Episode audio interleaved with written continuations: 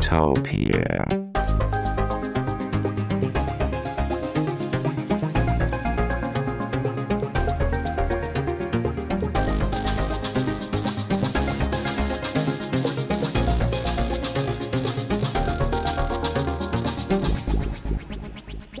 Tektopia er en podcast om mennesker og deres teknologi, udgivet af Ingeniørforeningen IDA i samarbejde med mediehuset Ingeniøren og China Experience, støttet af Innovation Center Danmark, IDA Forsikring og EUT Electronics of Tomorrow.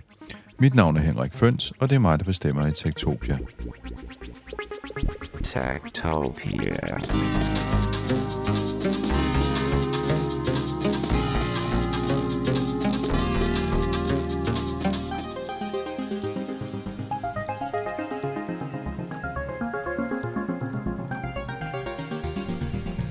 Tektopia fylder 200, eller rettere sagt, det her er udgave nummer 200, så det er en slags øh, jubilæum.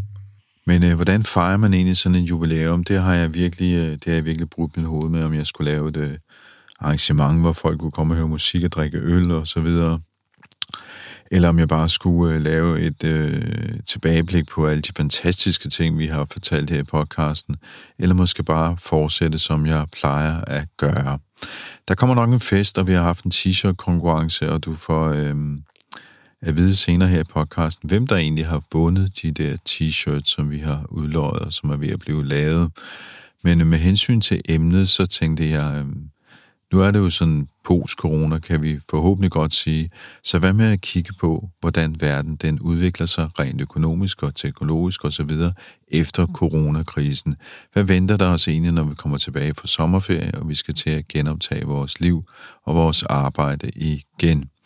Derfor har jeg taget fat på Ulrik Vestergaard Knudsen, der sidder i OECD i Paris, hvor han øh, ikke alene er ekspert på øh, international økonomi, men også på digitalisering. Det kommer til at handle om digitalisering, globalisering, klimaforandringer, en ny kold krig og i det hele taget verden efter corona.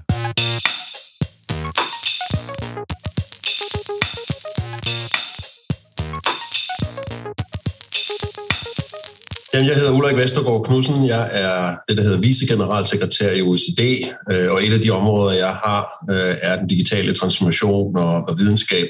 Men det er selvfølgelig i en kontekst af international økonomi og politik, som er det, vi laver øh, analyser af OECD og, og laver anbefalinger øh, af. Før det har jeg en, øh, en længere karriere i Udenrigsministeriet, øh, bag mig også statsministeriet, øh, og var indtil for to og et halvt år siden departementchef i Udenrigsministeriet. Hvis øh, du skulle kigge bare sådan et lille stykke tid ud i fremtiden og sige noget om øh, de udsigterne her post-corona, dels omkring øh, den internationale økonomi, men især i relation til digitalisering og tech-branchen, hvad, øh, hvad ser du så? Hvis jeg lige må vende sådan tilbage til nogle store forbehold, så, øh, så er udsigterne gode, fordi vi står faktisk øh, over for en øh, vækst i verdensøkonomien i år på næsten 6 procent ifølge vores øh, seneste prognoser her fra OECD. Og, øh, og for at sætte det lidt i relief, så er det faktisk, øh, hvis det materialiserer sig, så er det den største vækst i verdensøkonomien siden 1973. Det vil sige næsten i et halvt århundrede Øh, har vi ikke set så stor vækst, som vi kommer ind i øh, nu. Det er den gode nyhed. Øh, den sådan lidt mindre gode nyhed, det er, at det i meget høj grad er ledet af USA og af Kina. Øh, Europa halter bagud. Europa har hverken øh, økonomisk eller sundhedsmæssigt klaret den her krise lige så godt som USA og Kina.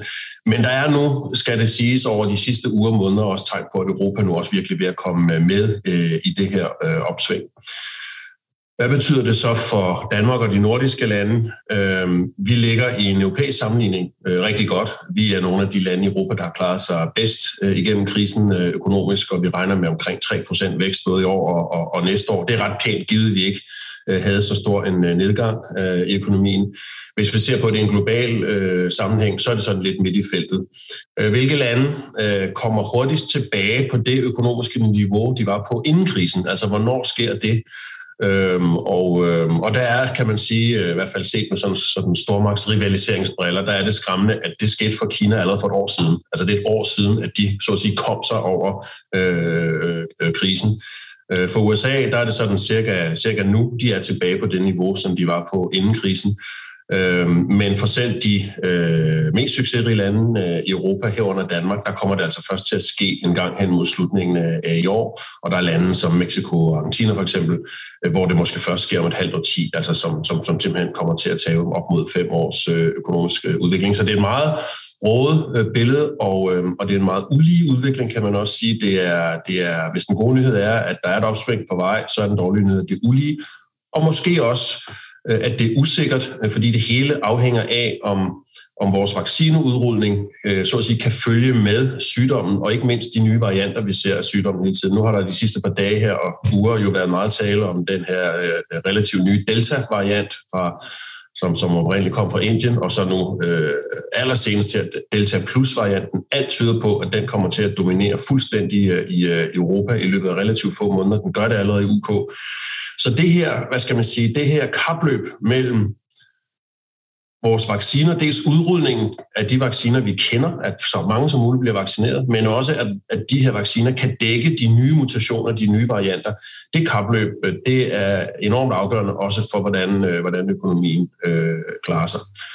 Og det aller sidste, jeg vil sige... Må, må, må, må, må jeg ikke lige spørge her, øh, fordi du siger, at øh, Kina var tilbage på, på sporet allerede for et år siden, men uh, der er også lokale udbrud af den her Delta-variant i Kina. Kommer det ikke til at påvirke? Altså, kan det ikke uh, spænde ben for deres økonomiske vækst? Jeg tror det faktisk øh, ikke. Jeg tror, uh, Kina...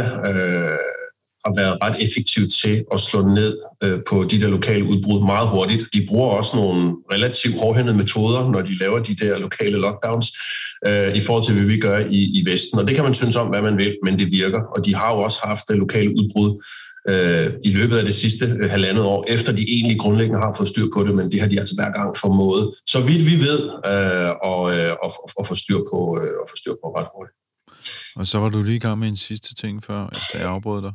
Jamen, jeg vil bare sige, at nu, nu, nu man taler jo så, så tit om, at vi skal hjælpe udviklingslandene, og hvis ikke vi hjælper udviklingslandene, så hjælper vi ikke os selv, og, og, og, det, er, og det, er, det er altid rigtigt. Men hvis det nogensinde har været rigtigt, øh, at, at det at hjælpe udviklingslandene er hjælp til selvhjælp, så er det det nu.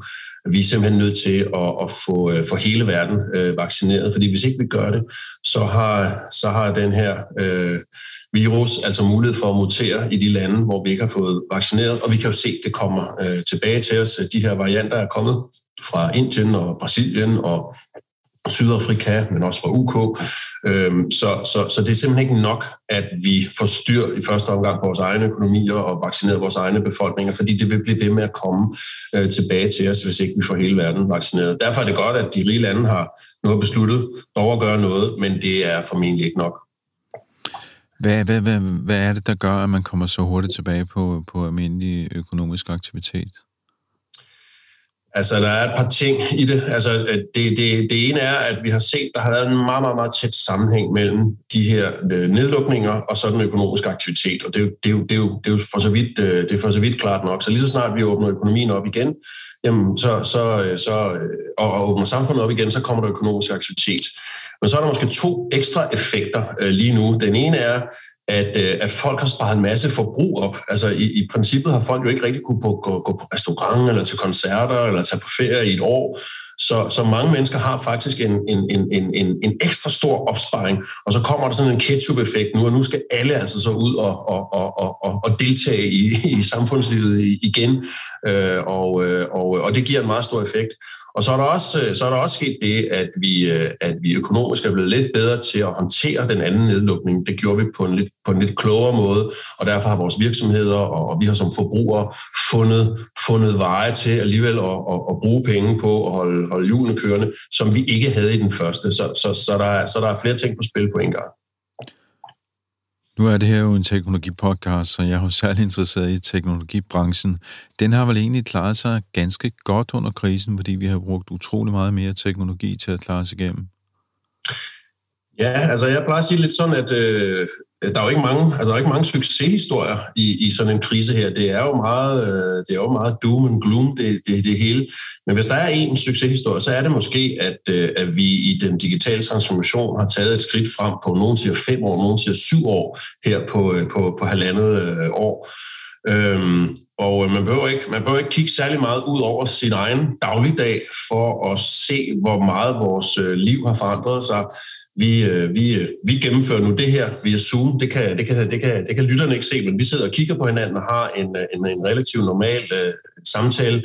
Øhm, mange af os har i vores uh, jobs uh, fået, uh, fået mødekalenderen overtaget af Zoom og WebEx og Microsoft Teams, og hvad de nu hedder, alle de her uh, teleworking uh, hjælpemidler, men også telemedicin, Øhm, der er sikkert også mange, der havde haft svært ved at, at, at overleve hjem i, i hjemmene, hvis ikke det havde været for, for, for Netflix og iPhones og andre måder at, at, at holde sig øh, både underholdt på, men også i kontakt med, med venner og, og, og familie. Øh, men vi ser det altså også i økonomien med, med udbredelsen af digitale betalingsmidler, et kæmpe stort boom i, øh, i, i, i e-handel. Så, så på alle måder, altså i vores dagligdag, i vores sociale liv, i vores underholdningsliv, men også i økonomien, der har krisen på en eller anden måde fremtvunget øh, en, øh, en langt større ibrugtagning af, af, af digitale øh, hjælpemidler øh, og færdigheder, som var kommet til os formentlig alligevel, men krisen har accelereret det temmelig, temmelig, øh, temmelig, temmelig, temmelig hæftigt. Det tror jeg er en positiv øh, ting, fordi øh, de ting, jeg har nævnt her, er jo sådan set alt sammen noget, der har hjulpet, hjulpet os, hjulpet menneskeheden, hvis man skal svinge sig op til det, til at komme nemmere igennem den her krise.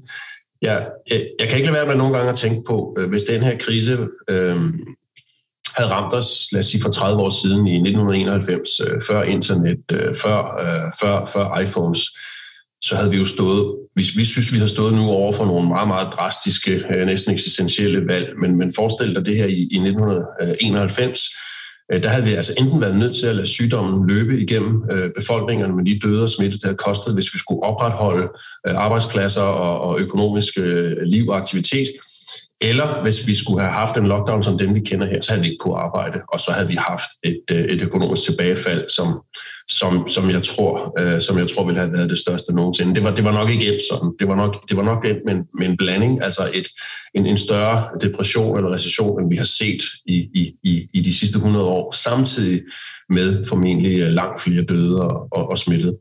Så, så på den måde synes jeg faktisk, at det digitale øh, er, er succeshistorien i, i, i, i den her krise. Så et samfund, der er meget digitaliseret, har en bedre evne til at overleve sådan en krise her?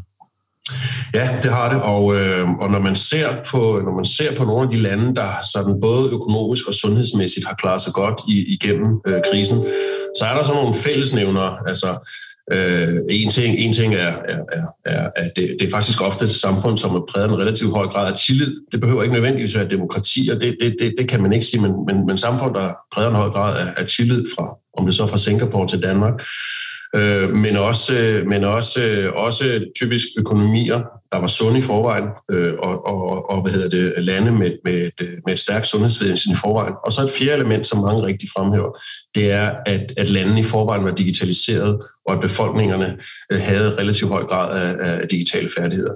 Og det er den grad øh, tilfældet for Danmark, hvor vi både den private sektor og den offentlige sektor øh, på alle de der sådan, øh, øh digitaliseringslister, øh, der ligger Danmark meget, meget, meget højt.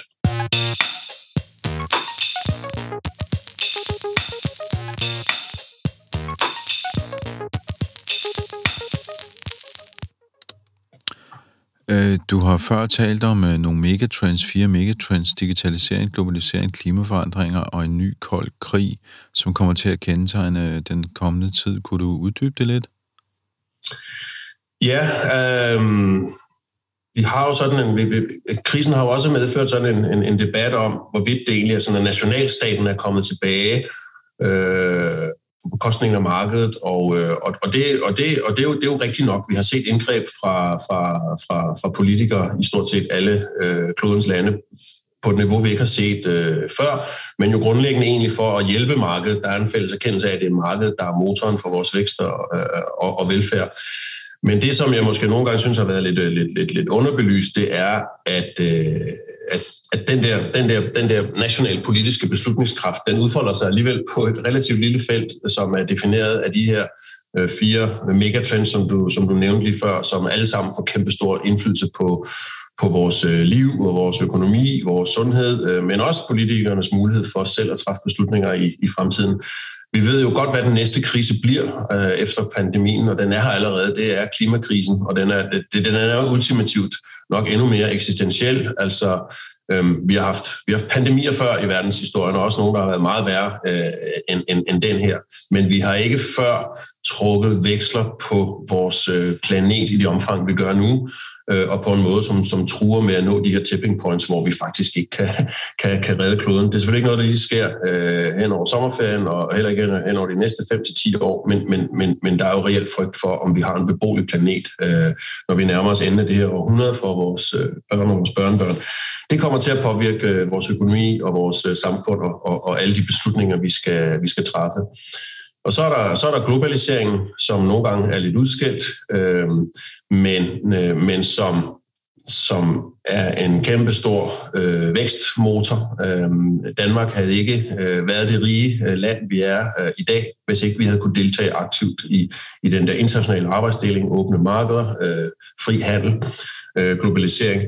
Og der var, synes jeg, i starten af, af coronakrisen sådan en, en, en tendens til, at samfundet lukkede sig lidt om sig selv igen. Protektionisme, nationalisme, øh, populisme, øh, som, som er farlig i forhold til at opretholde det her internationale åbne samarbejde, som Danmark er, er afhængig af øh, økonomisk. Øh, så har vi været igennem øh, digitaliseringen, som, øh, som, også, som, jeg, som jeg også har med blandt, øh, blandt de fire, fordi det, det er måske det, der lige her på kort sigt øh, transformerer vores samfund allermest. Og det er ligesom globaliseringen også en kæmpe stor motor for, at vores økonomier kan blive endnu mere øh, effektive, vi kan få løftet produktiviteten og dermed igen levestandarden. Jeg tror også digitalisering eller bredere teknologi, men der er rigtig meget, der er rigtig meget, teknologi, altså rigtig meget teknologiudvikling i dag er jo digital. Det er svært at forestille sig, at øh, vi kan hæve vores levestandarder uden at omfavne øh, digitaliseringen. Det er svært at forestille sig, at vi kan styrke vores øh, sundhedsvæsen meget øh, yderligere uden, uden også at omfavne øh, digitalisering. Og så for at knytte forbindelsen tilbage til klimaforandringerne, Øh, selvom jeg ikke tror, at man kun skal satse på, øh, på, på, på, på ny teknologi, vi er også nødt til at ændre adfærd, så ligger en del af løsningen på klimaudfordringen, øh, den ligger også i, i ny teknologi og, og, og digitalisering. Så på den måde tror jeg, at den digitale transformation øh, er, er nøglen øh, til at, at, at løse mange af de udfordringer, vi står overfor. Og det er i hvert fald helt sikkert, det er, at hvis vi som et, et lille åbent land ikke er med fremme øh, helt forrest i feltet, hvad vi så også er nu, men hvis ikke vedbliver at være der, så får vi svært ved at klare os i den, i den internationale konkurrence, som vi ellers har klaret så godt i. Øhm, så er der, synes jeg, det skal, det skal jo med. Altså, det er jo ikke, altså, jeg er helt klart digital optimist, men man skal aldrig være jubeloptimist, og der er jo selvfølgelig, altså den digitale transformation kaster jo også en masse udfordringer med sig og komplekse, øh, komplekse problemstillinger, altså, altså fake news og privatliv og de her store amerikanske tech-giganter, er de ved at blive så magtfulde og så monopolistiske, at de påvirker vores, øh, vores, vores liv på en måde, som vi ikke måske synes er forenlig med demokratiske værdier. Den slags udfordringer er der. Og så er der måske øh, en endnu større udfordring, det er, at vi kommer til at give den digitale transformation et dårligt navn på samme måde, som vi kom til at give globaliseringen et dårligt navn øh, i det forrige årti. Hvad mener jeg så med det? Øh, men det mener jeg, at, at, at hvis vi tager som udgangspunkt, at vi, at vi har både brug for globalisering og digitalisering for at blive, for at blive, for at blive rigere, for at blive stærkere, øhm, så, så skal vi samtidig erkende, at, at, at, at, at, at, at at de gevinster fra de her to store uh, megatrends, dem er vi også nødt til at sørge for at, at fordele mere ligeligt. Det fik vi ikke gjort. Nu sådan snakker jeg med globale briller i, uh, i, uh, i, uh, i nullerne, øh, undskyld, i tierne efter, efter, efter den finansielle krise. Og jeg tror, der er, øh, om ikke en lige linje, så er i hvert fald en slørket linje for den der uretfærdige, synes mange, fordeling af globaliseringsgevinster, øh, øh og så til Brexit og til de gule veste her i Paris, til Trumpismen øh, i, øh, i, øh, i USA.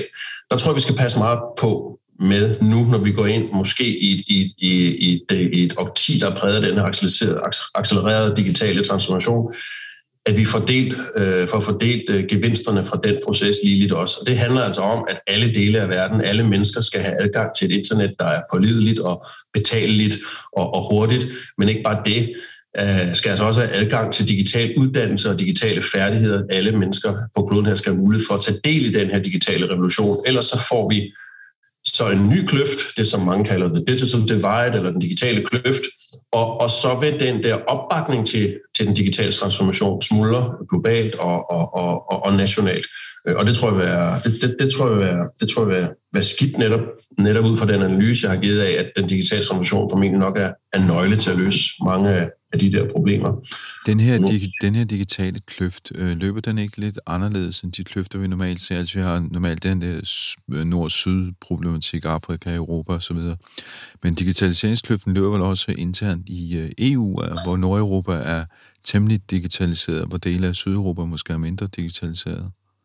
Ja, det er fuldstændig rigtigt. Der er mindst tre kløfter, kan man sige. Der, der, er, sådan, der er sådan en global kløft mellem, mellem nord og syd. Det, det, det, det er helt oplagt, at udviklingslandene har halter efter, i hvert fald på nogle områder med digitale færdigheder. Men der er også øh, mange øh, øh relativt let udviklede afrikanske lande, hvor, hvor stort set alle ejer en mobiltelefon, og de bruger mobile pay osv., så, videre, så det er sådan et, det, det, det er et blandet billede. Så er der, som du siger, øh, jo også øh, inden for Europa forskel på, på nord og syd.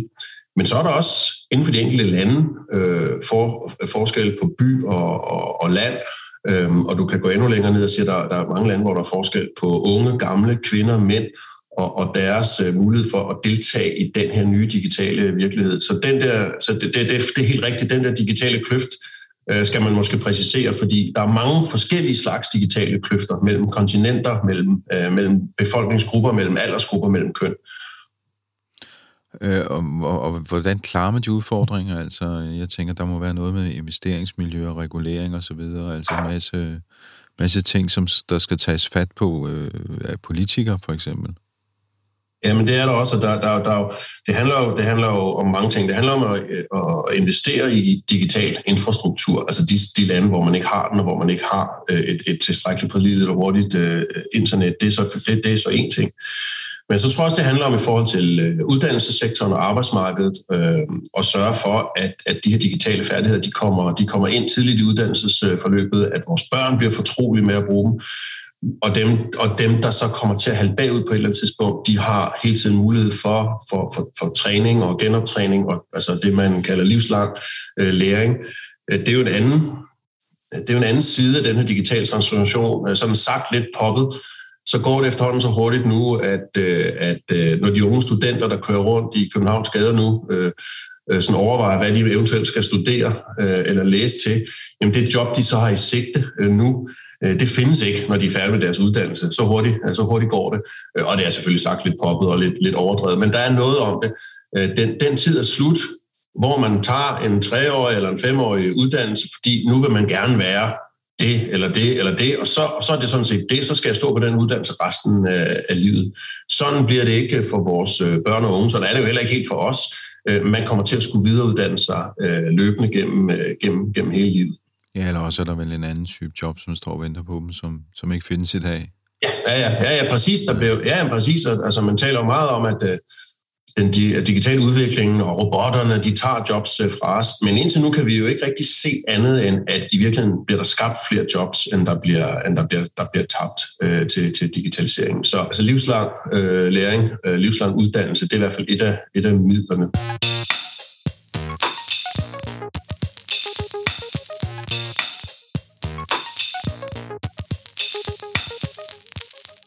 Vi manglede lige en enkelt af de der megatrends her til sidst, ja. det, du kaldte, det du kalder den nye kolde krig mellem USA ja. og Kina. Hvad, hvad kommer den til at betyde på det her område? Ja, den betyder faktisk allerede meget på det her øh, område, øh, og man taler sådan, øh, man, man, man, man taler lidt, øh, på engelsk taler man om, at den nye kolde krig, den udspiller sig sådan på, på tre områder øh, som, som lyder godt på engelsk, for det, det er tech, trade and tax, altså, altså teknologi og handel og, og skat. Og så håber vi, at det ikke øh, når det, det fjerde til, nemlig territorier, øh, fordi så er krigen ikke så kold mere, så kan den jo blive, øh, så kan den jo blive øh, varm. Men, øh, men, øh, men som jeg antyder der, så er teknologi et af de områder, hvor vi allerede i realiteten har en, en kold krig, Altså Facebook findes jo for eksempel ikke i Kina, de har ikke, øh, de har ikke adgang. Øh, USA har prøvet at, at, at udelukke Huawei fra, fra, fra, fra, øh, fra, fra det amerikanske marked og lægger pres på, på europæiske lande for at gøre det samme. Øh, Kina har, har besluttet, at i løbet af kort tid, der skal man helt have udfaset indkøb af vestlig software, Øhm, vi har kamp om øh, vi har kamp om, om produktion af de her små chips og, og, og halvledere, som det hedder øh, quantum computer. Der er en kæmpe stor investeringskrig på, på, på, på, på kunstig intelligens for at se, hvem der får føretrøjen øh, her. Så teknologien er et af de områder, hvad man kan sige, hvor, hvor globaliseringen allerede i en vis forstand er sat ud af kraft, øh, hvor, øh, hvor vi allerede konkurrerer i, øh, i, i, i blokke. Øhm, og man kan sige, at der er jo en trussel om, at det her øh, kan blive mere end to blokke. Altså hvis vi ser på de forskellige tilgange globalt til, hvem der egentlig ejer vores, øh, vores data, øhm, så, så er der jo en amerikansk tilgang om, at øh, jamen, det gør markedet, og det gør de store tech-virksomheder. De, altså de data, vi overleverer til dem, ved at stiltigende tryk acceptere et eller andet, når vi skal ind og google noget, eller hvad det nu er, dem ejer virksomhederne. I Europa har vi sådan en lidt mere individorienteret tilgang, og siger, at det gør forbrugeren selv, altså det er forbrugerens data, det skal vi beskytte. Øh, I Kina, øh, der har man en tredje tilgang, der er det, det er partiet, der ejer de her øh, data, og, øh, og øh, man, man bliver er heller ikke tilbage for at bruge overvågning til at skaffe sig endnu flere data om, om befolkningen.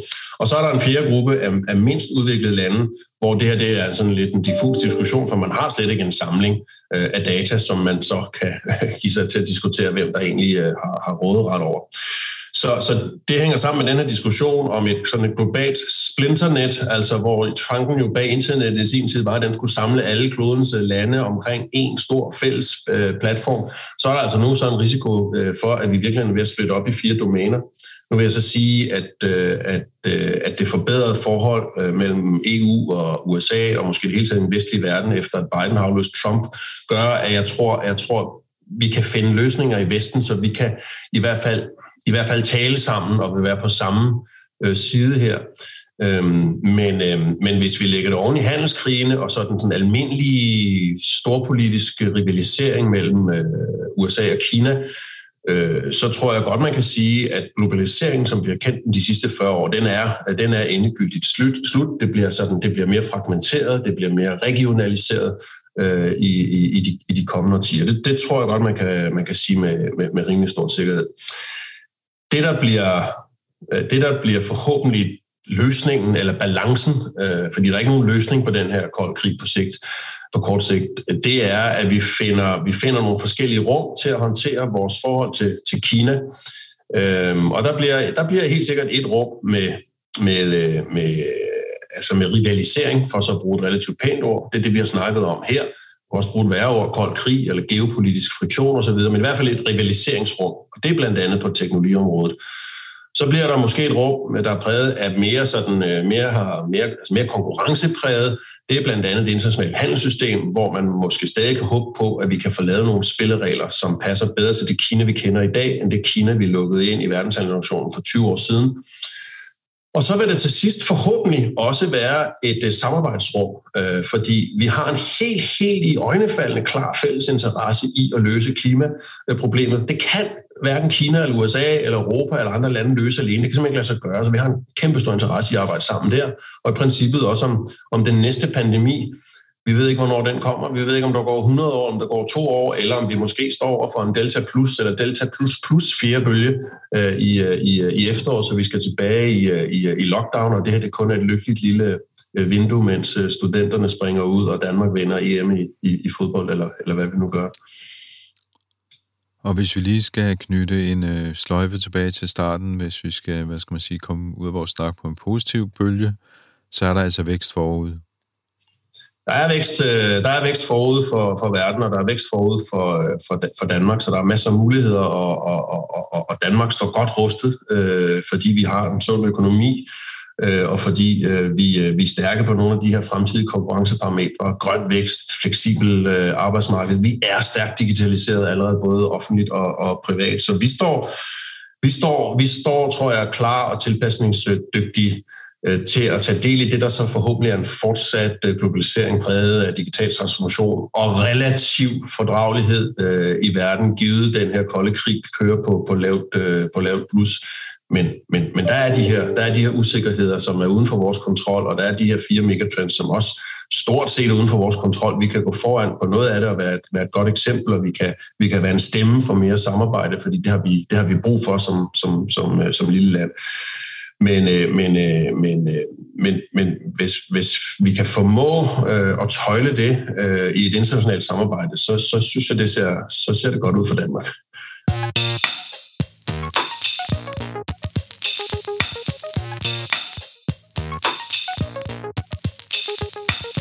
Du har lyttet til Tektopia nummer 200, og jeg lover at øh, offentliggøre, hvem der har vundet de her sådan, t-shirts i den her konkurrence, vi har haft kørende på sociale medier, hvor du kunne sende et billede ind af, hvor du lytter til Tektopia henne. Vi har valgt fire deltagere, øhm, og jeg må med skam erkende, at jeg alle sammen er mænd, men det er fordi, der ikke er nogen kvinder, der har sendt et billede ind. Jeg ved ikke, hvad der er med jer kvinder og, og lytte til Tektopia til billeder af det, men det der bliver der altså ikke rigtig så meget af. Men øhm, en af dem var Bo Kalslund, som øh, tog et øh, foto af, han sad på sin øh, motionscykel hjemme i sit øh, hus, så vidt jeg kunne se, hvor han trænede strandkroppen, som han skrev. Så var der Malte von Seested. Han har sendt hele to billeder. Et, var han lytter Tektopia i toget, når han pendler, og så et, var han hænger vasketøj op. Og det er jo rart at se en mand, der er huslig, så øh, der ryger også en t-shirt afsted til Malte. Så er der dem, der er lidt mere malige, som for eksempel Martin Bæk, der har sendt en, øh, et foto af ham selv, hvor han ligger i sin hængekøje, og så skriver han, at han trænger til en smartere t-shirt at øh, lytte i. Jeg kan ikke helt se, hvad der står på hans t-shirt, men øh, jeg er tilbøjelig til at give ham ret. Og sidst men ikke mindst, så er min gamle kollega Anders Høgh Nissen fra Harddisken. Han har sørme også sendt et foto, hvor han sidder på sin altan med nogle store sorte hovedtelefoner og et, øh, et godt gedeskæg øh, og nogle træer i baggrunden og ser glad ud og lytter til Tektopia, så Anders han skal naturligvis også have en t-shirt, og det er jo så heldigt, at den øh, er i sort, hvilket jo passer Anders allerbedst. Så de fire herrer, de får en t-shirt tilsendt, og det kan jo være, at vi laver en ny konkurrence, så du også har mulighed for at øh, vinde en Tektopia t-shirt. Tilbage er der jo bare at sige på genhør og minde om, at øh, du kan følge teknologidiskussionen i vores Facebook-gruppe Tektopia Backstage. Du kan følge os på øh, Twitter og Instagram på snablag.tektopia.dk. Du kan skrive til mig på henriksnabelag.tektopia.dk, og øhm, det er sådan, at øh, nu holder jeg en øh, lille sommerferie, så de næste fem uger kommer der ikke nogen ny Tektopia i dit feed. Til gengæld så laver jeg sådan en lille reminder om, at du skal tjekke ind på hjemmesiden, hvor vi har samlet nogle af de øh, tidligere podcast i temaer, så du måske kan samle op på noget af det, du ikke har nået at høre, eller måske har lyst til at, øh, at lytte til igen. Og hvis jeg lige skal løbe de der temaer igennem, så kan jeg fortælle, at vi får et, øh, et datatema, hvor du kan høre om mobilspil, der malker børns data. Vi har noget om uh, Kevin Roos fra New York Times, der har gået, der er gået fra at være tech-optimist til at være slave af sin iPhone, og nu har han skrevet en overlevelsesguide til mennesker i den her automatiserede tidsalder. Og så kigger vi også på den her sag om ulovlig telelogning, der netop har været for retten, og hvor dataaktivisterne de faktisk tabte sagen, og derfor har valgt at uh, appellere til, øh, til højesteret. Så laver vi en, øh, en, øh, en lille serie om sociale medier, hvor vi kigger på Clubhouse. Vi kigger på politikere, der bedre kan lide at være på Facebook, end at offentliggøre kronikker og være i aviserne. Så har vi et øh, segment, der handler om tech-giganter. Vi skal kigge på EU's nye lovgivninger, DMA og DSA, som handler om at tøjle tech-giganterne. Vi skal også kigge på øh, hvem der egentlig regulerer sikkerheden på nettet, fordi sikkerheden i vores browser, den øh, bevæger sig i retning af, at det er Google, der styrer den frem for din lokale internetudbyder. Så har vi et interview med øh, Margrethe Vestager, EU-kommissær, og det handler altså om den, den her digitale kulturkamp, hun har gang i med, som er EU, som er EU mod Google og Facebook og alle de andre af den type virksomheder. Så kigger vi lidt på det, jeg har valgt at kalde for digitale værdier, nemlig NFT, de her sådan, øh, digitale kunstværker, som bliver forhandlet, øh, som bliver handlet for store millionbeløb øh, i kryptovaluta. Vi kommer til at kigge på Kinas introduktion af digital valuta, og så kigger vi på en ny blockchain, der skal være lige så nem og billig som MobilePay at bruge. Så skal vi en tur omkring Estland, til allersidst her i øh, vores sommerserie, hvor vi har to afsnit om øh, den digitale frontløbernation over på den anden side af, af, af, af Østersøen.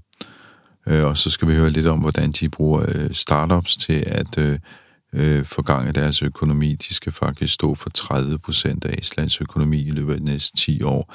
Så der er to afsnit der, du også lige kan lytte til, genopfriske, eller måske lytte til, hvis du ikke har hørt dem før. Det var en lang smør. Jeg sørger for, at du hver eneste uge får en lille reminder om, hvad der er, vi lægger op på hjemmesiden, og så kan du hoppe ind og lytte, hvis du skal ud i solen, eller hvis du bare skal sidde et eller andet sted indenfor i regnvejr og have det rigtig trist. Så kan det være, at det kunne blive godt humør af Tektopia. I redaktionen sidder Sabrina Andersen og Veronika Volin. Jeg hedder Henrik Føns, og jeg vil bare ønske dig en rigtig, rigtig god sommer. Og så høres vi ved for alvor igen i øh, august måned. Og jeg kan afsløre, at de første på Tektopia, det er, at de kommer til at handle dels om øh, det, man kalder for CO2-fangst, nemlig teknologi, klimateknologi til at forbedre miljøet, og så kommer det også til at handle om digitale valutaer. På genhør efter sommeren. Tektopia.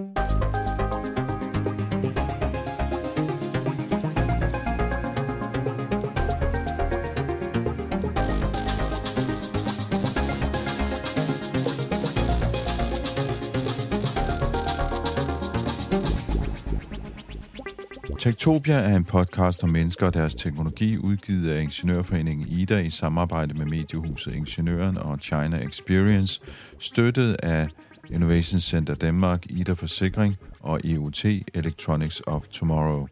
Mit navn er Henrik Føns, og det er mig, der bestemmer i Tektopia. Tektopia.